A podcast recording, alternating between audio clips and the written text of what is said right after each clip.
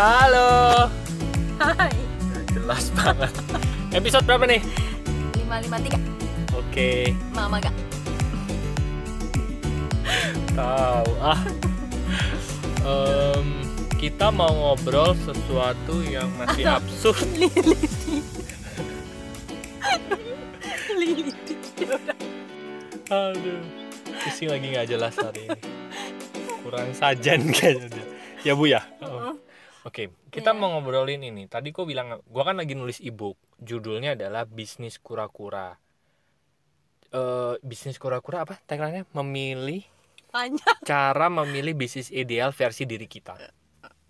Nah, ada satu part yang gue eh gue bilang tadi sama Rusi, sering kali kita tuh memandang sesuatu itu kurang jauh gitu, Kurang lebar. kurang lebar, mainnya kurang jauh.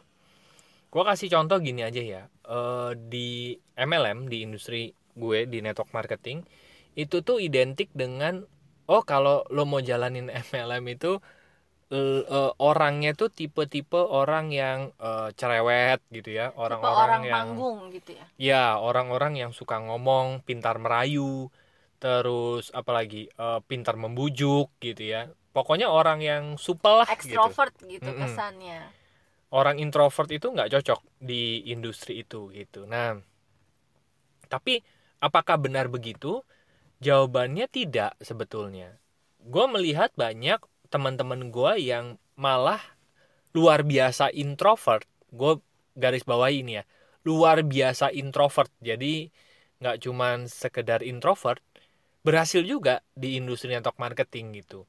Kenapa karena mereka melakukan industri itu sesuai dengan cara mereka dengan diri mereka jadi sebetulnya eh apa ya yang kita lihat itu sering kali tidak sesuai sama kenyataannya gitu. Nah ini sering nih terjadi dan kita menghakiminya eh, menghaki- kayak ini ya kayak Sri Mulat ya me me Lo mau bilang apa emang? menghakimi Ya tuh kok ada nek tadi. nggak tahu Kamu kebanyakan baca buku Ikigai. Nek. iya. Iya nek. Oke. Nah kita itu menghakiminya tuh kan. Gimana sih Me? Menghakiminya benar ya kok. bener ya. Emang kamu dengar baca menghakimi deh kita itu sering menghakiminya menghakimi sesuatu itu terlalu cepat gitu. Melihat segala sesuatu tuh hanya di permukaan saja karena soalnya gini ya kalau di industri network marketing ya. Seringkali itu kenapa yang kesannya berhasil orang-orang ekstrovert? Karena mereka yang sering ngomong sering banyak bicara.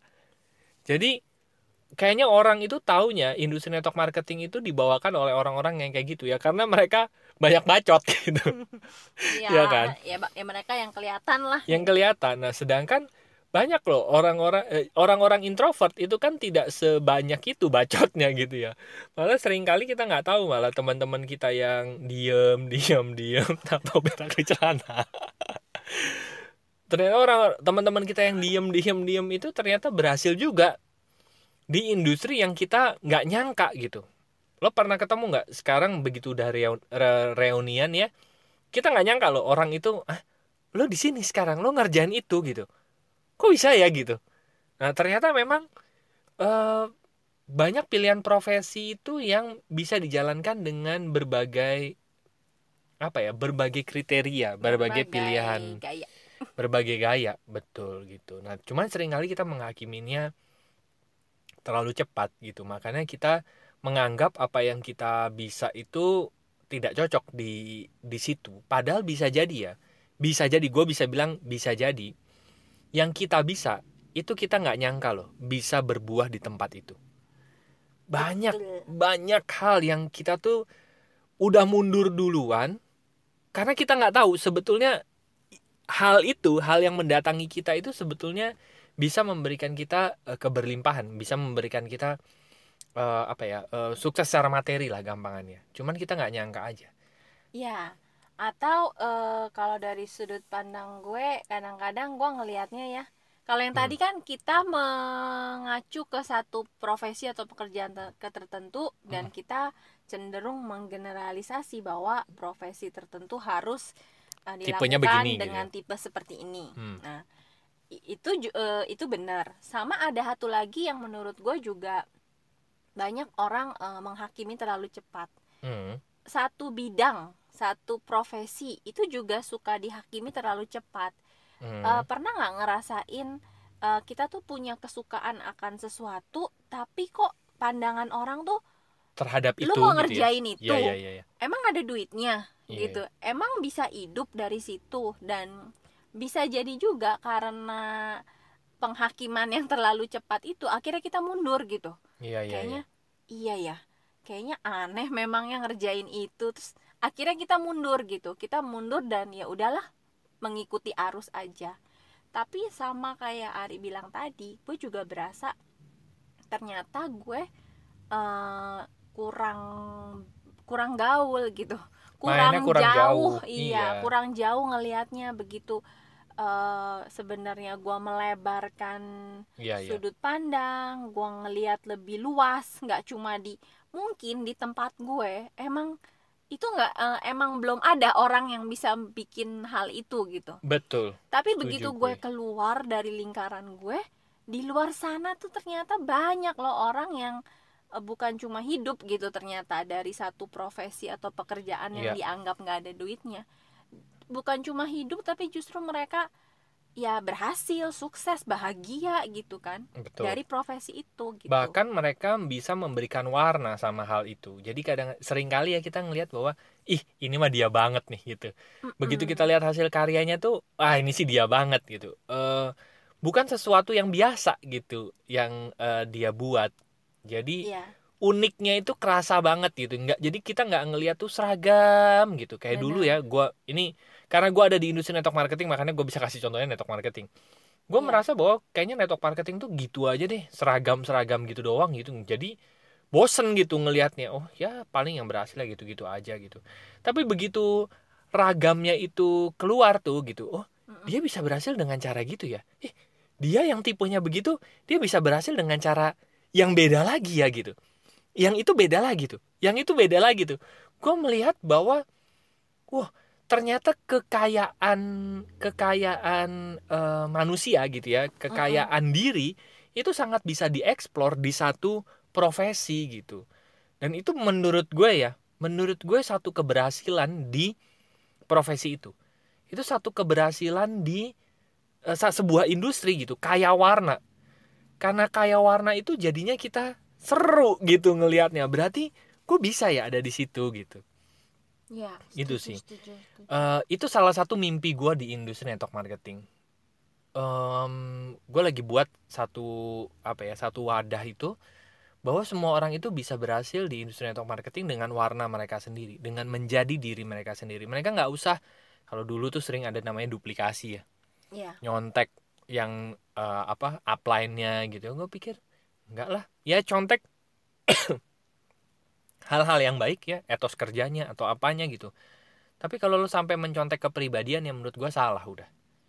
Bener-bener salah. Setiap dari kita itu punya ciri yang unik sendiri supaya kita bisa menonjol akhirnya karena orang jadi tahu itu warnanya si itu tuh. Ini Iya. warnanya si ini nih. ada gitu. cara unik yang ki- cuma kita mungkin yang bisa melakukan dan kita memang nyamannya begitu gitu. Yes. Jadi Jadi, eh, nggak usah apa ya eh ngelihat orang untuk mendapatkan inspirasi kalau ternyata itu kemudian cocok sama kita ya udah pakai. Tapi kalau Iya. nggak cocok nggak usah ngubah cetakan kita untuk jadi kayak orang bener, itu gitu. betul, betul. Karena sebenarnya ya semua kalau kitanya nyaman di dalam sebenarnya semua pasti bisa mendatangkan hasil Iya, gitu. bener. Gue setuju, setuju banget gitu. Ya, ya Jadi- gitu sih. Jadi misalnya eh, sebelum menghakimi itu tadi ya eh, potensi atau suatu bidang gitu, eh, coba deh mungkin eh, mainnya yang agak jauh keluar gitu ya. Iya, Terus apalagi di era sekarang gampang banget kita searching searching gitu ya. Kita bisa nemuin banyak inspirasi yang mungkin mm, jauh gitu ya jauh di Bener. luar tempat kita tapi ternyata ada tuh yang bisa gitu Betul, dan sering kali ya, karena kita terbiasa untuk apa iya sih, apa iya sih gitu ya. Karena kita terbiasa kayak gitu tuh pada saat kita mau mulai tuh malah nggak jadi-jadi gitu. Padahal sebetulnya kita tuh udah udah misalnya kita mau jalan nih, gue mau jalan dari Cilegon menuju ke Jakarta, gue udah masuk ke pintu tol sebetulnya. Gue udah gue ada di gerbang tolnya nih gitu. Gue tahu kalau begitu gue masuk gerbang tol ini, gue ikutin jalannya, gue pasti akan nyampe ke Jakarta di jalan yang dengan memakai jalan yang paling cepat gitu. Mm-mm. Seringkali begitu kita mau masuk gerbang tolnya, karena kita tuh udah bertahun-tahun mungkin, apa iya sih ya, apa iya gitu ya, jalannya bener nggak ya gitu. Malah kita nggak jadi, muter balik lagi, muter balik lagi, kita ngikut arus yang yang rame aja gitu. Mm. Padahal sebetulnya kalau lo masuk aja, ya udah coba aja berkarya. Terus sering kali begitu misalnya memberanikan diri masuk ke gerbang tol nih gitu ya. iya Baru jalan berapa lama, mereka udah iya tuh kan nggak menghasilkan kan. Padahal kalau mau di compare sama yang dia lakukan, misalnya dia sudah kerja misalnya 10 tahun, dia baru lakuin misalnya tiga bulan, enam bulan, iya kayaknya nggak adil ya nggak adil untuk eh, membandingkan gitu makanya coba lakuin aja dulu paling nggak selama waktu yang kita melakukan pekerjaan yang kita sudah lakukan gitu. Benar hasilnya bisa sampai ke mana? Dan gue yakin apa kalau misalnya kita melakukan sesuatu yang memang kita suka gitu ya awal-awal mungkin ya kelihatannya begitu. Apa iya sih apa iya gitu. Tapi ya lakukan aja nanti baru compare-nya di beberapa tahun kemudian. Gue yakin sih Hmm. hasilnya akan sangat menarik gitu ya. Iya betul. Dan sebetulnya nggak perlu compare juga sih. Iya dan betul. lagi pula kalau itu emang pekerjaan yang kita benar-benar suka ya hmm, bukan cuma ikutan atau ya karena nggak ada pilihan gitu tapi emang Hmm. itu benar-benar pilihan dari hati sebenarnya kita pasti akan explore benar akan terus upgrade betul dia akan terus ngulik gitu jadi kayaknya eh, kualitas eh, karyanya juga pasti akan makin lama makin Wah, makin oke makin meningkat kan Iya, jadi benar. sebenarnya hasil itu sebenarnya dari efek efek aja dari pertumbuhan pertumbuhan karena kita melakukan sesuatu yang kita cintai gitu Benar, betul. Betul, betul. Betul sekali. Gitu deh, teman-teman. Jadi eh, Mm-mm. coba explore, gali informasi lebih banyak tentang satu bidang, satu industri. Jangan-jangan bidang atau industri itu bisa memfasilitasi apa yang kita bisa.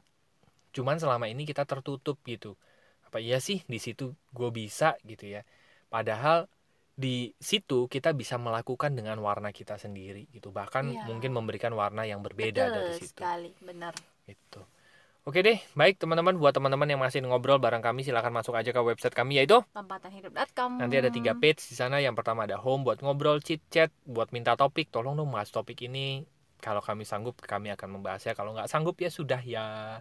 Lalu page kedua ada ada konseling dan event buat buat teman-teman yang butuh layanan untuk terapi, Mm-mm. konsultasi, konseling, human design atau Yes. mengundang kami bicara di event, yes. masuk ke page yang konseling dan event. Ya, dan di page terakhir di ada gerakan berkelimpahan dengan berkesadaran. Apa sih sederhananya itu adalah kelas WA 5 hari yang membahas yang tadinya kami pikir tujuan kayak duit, terus apa lagi ya, hubungan harmonis dan lain-lainnya ternyata itu hanya akibat aja.